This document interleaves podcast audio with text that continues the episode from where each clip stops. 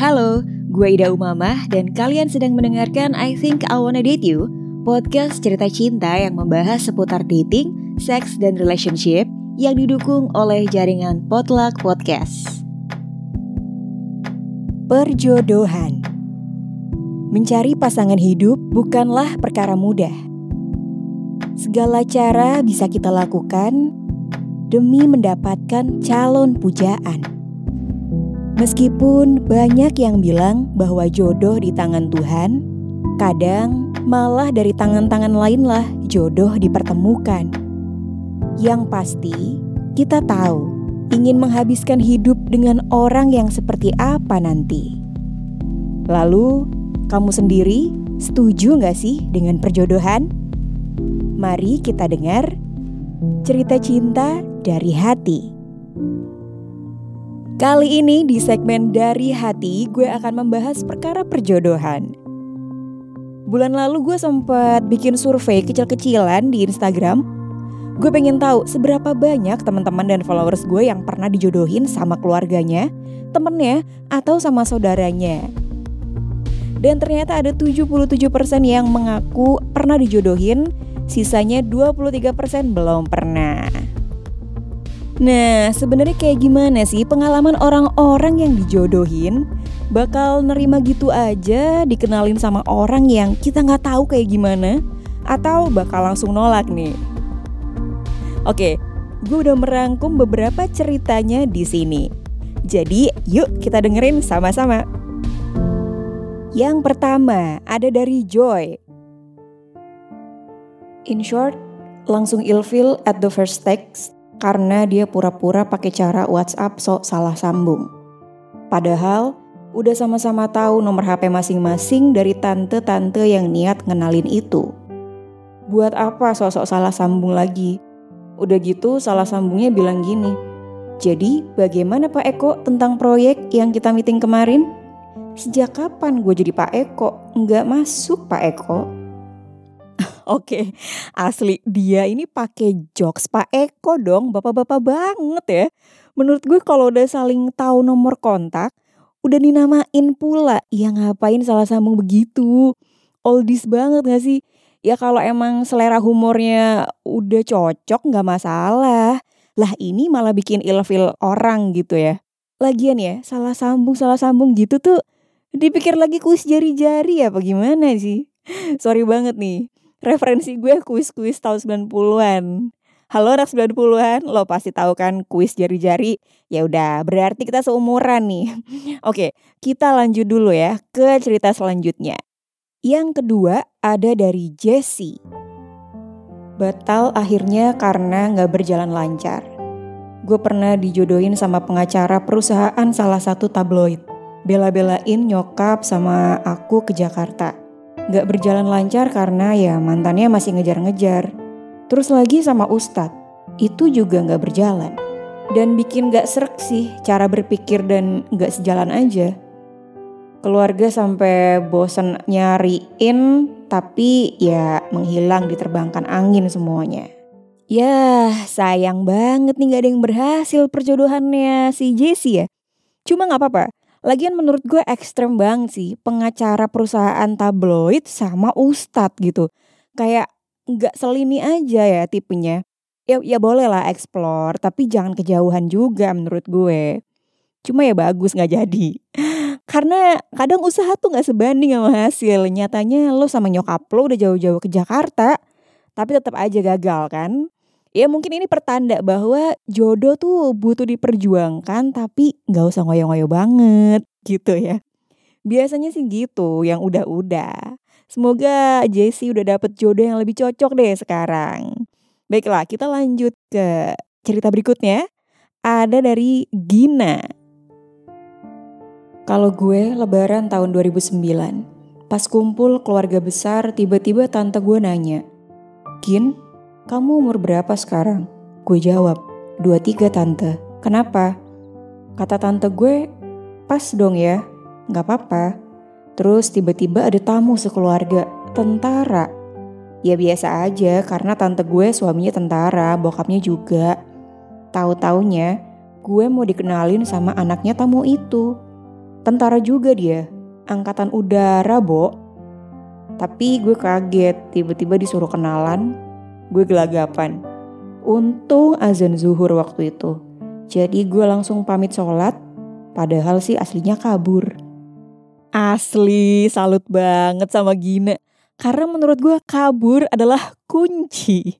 Itu berarti Tuhan beneran ada dan mau nolongin lo Gin. Keluar dari jurang perjodohan yang emang gak lo inginkan gitu kan. Nah, gue juga gak suka nih kayak gini. Sosok mendadak atau sengaja dikenalin gitu kan.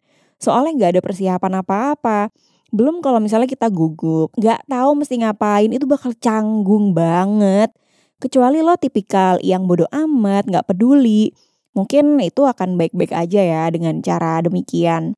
Dan ya, kalau dikenalin orangnya seru, kebetulan gak gengges, ya gak masalah.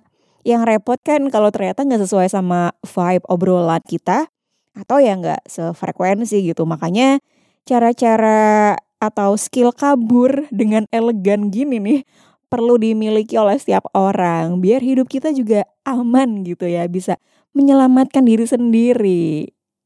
Nah, berikutnya nih ya, nggak kalah seru ada cerita dari Ribi. Gue pernah diajakin nyokap kenalan sama anak temen pengajiannya. Doi juga belum pernah ketemu, tapi itu temennya kayak temen banget gitu. Ya udah gue diajak dong ke pengajian. Terus dikasih lihat sama temen lain, itu loh anaknya. Secara looks jujur jauh banget dari selera gue. Tapi kalau nyokap mau gue kenalan, ya kenalan aja gak apa-apa. Eh gak taunya sampai akhir acara gue gak dikenal-kenalin tuh sama temen nyokap. Ternyata pas pulang nyokap bilang, jangan deh, jangan sama dia. Harta bisa dicari, tapi suami itu kan kita lihat tiap hari kalau bisa yang rada enakan gitulah dilihat biar betah. Gue auto, ibu parah banget. Nah, gue suka nih sama ibunya Ribi karena beliau tuh realistis gitu ya. Mungkin ngelihat anaknya bisa dapetin yang lebih dari itu gitu atau mungkin ibunya tiba-tiba keinget betapa beratnya perjuangan pas melahirkan dan merawat si anak sampai gede. Tapi justru di satu sisi bagus dong ya. Jadi ortu tuh tetap selektif gitu milihin calon suami buat ribi. Soalnya kadang ada aja yang ngeselin kayak, udahlah kamu sama dia aja mumpung ada yang mau. Mumpung ada yang mau. Hey, dikira kita barang dagangan apa gimana nih? Sekali ada yang naksir, langsung dikasih tanpa mikir-mikir gitu. Oke, ini terakhir cerita ada dari Mira. Aku pernah dijodohin sama tentara. Sebut aja dia Joko namanya. Perkenalannya smooth dan dari gue dia juga ada ketertarikan fisik. Lumayan ganteng dan jelas gagal lah ya. Dia masih taruna waktu itu. Pertemuan ketiga dia ngapelin ke rumah. Ke rumah gue. Izin mau datang bawa temennya. Oke baik. Pas datang, gue dikenalin sama temennya. Sebut aja namanya Joko. Iya nama aslinya juga mirip cuma beda sehuruf aja. Loh kok ganteng banget? Karena di rumah, otomatis kenalan dong ya sama nyokap gue. Pas mereka pulang, nyokap gue malah bilang, Kak, kamu sama si Joko aja deh. Jangan sama pacar kamu yang sekarang. Dia lebih ganteng, rankingnya juga lebih bagus di akademi. Kayaknya masa depannya lebih gemilang tuh kak. Ya, akhirnya gue lebih milih pacar gue yang sekarang sih ya. Wow, kocak juga nih nyokapnya Mira. 11-12 lah ya sama nyokapnya Ribi yang demen banget milih-milih mantu buat anaknya. Giliran ada yang ganteng dari pacarnya, langsung radar nyokapnya menyala tuh ya. Udah gitu dibilang kalau masa depan teman pacar anaknya lebih gemilang dibanding masa depan pacar anaknya yang sekarang. Meskipun bercanda tetap aja ya. Orang tua tuh menurut gue emang ngeliat sesuatu dari yang pasti-pasti sih. Apalagi kalau udah urusan pertaruhan masa depan dan pasangan buat anaknya yang dia sayang. Well, cerita dari Mira tadi mengakhiri bahasan perjodohan yang cukup seru lah ya pengalaman-pengalamannya kali ini. Dari cerita-cerita yang udah gue bacain, kita bisa tahu kalau sebetulnya jodoh tuh gak cuma di tangan Tuhan, tapi bisa di tangan Mak Comblang alias keluarga, teman, saudara gitu loh. Reaksi-reaksi mereka pas dijodohin juga macem-macem banget. Ada yang pura-pura baik, ada yang pura-pura nerima, sampai nyari cara gimana biar bisa kabur dari momen ketemuannya. Nah, dari hal yang kadang konyol begini ya, dan kebetulan gue pun pernah mengalami perjodohan beberapa kali, gue pribadi sih jadi lebih terbuka iya sama orang tua gitu, khususnya sama nyokap gue. Jadi nggak takut ngobrolin kita maunya apa, butuhnya pasangan hidup yang kayak gimana gitu loh. Karena lagi-lagi orang tua tuh biasanya cuma ngelihat dari latar belakang keluarganya aja. Ya memang nggak salah sih. Cuma nih sayangnya, kadang orang tua juga bukan representasi si anak seutuhnya gitu. Atau ortu kita ngelihatnya cuma karena dia rajin ke tempat ibadah, karena pekerjaannya yang kelihatan gitu di depan mata. Jadi emang kitanya juga harus cari tahu sendiri ya mungkin dengan mengiyakan untuk ketemu, untuk kenalan dulu dari situ kan kita jadi tahu ya orangnya nyambung apa enggak nih gitu. Dan kalaupun kita emang mau menolak si perjodohan itu, kita udah lebih punya alasan kalau misalnya oh kan tadi waktu gue ketemu udah nggak nyambung, udah nggak enak diajak ngobrol atau apa segala macam gitu loh. Lebih reasonable lah menurut gue. Well, gimana pun cara dapetin jodoh yang penting harus enjoy the process. Oke, okay, Buat kamu yang mau kirim cerita atau pertanyaan seputar dating, seks, dan relationship, bisa ke email podcastdating.id at gmail.com atau DM ke Instagram at underscore podcast atau ke Twitter at Follow dan subscribe Potluck Podcast di YouTube dan Instagram untuk info episode terbaru dari jaringan Potluck. Terima kasih buat kamu yang udah menyimak episode ini. Selamat beraktivitas, sampai jumpa di episode berikutnya.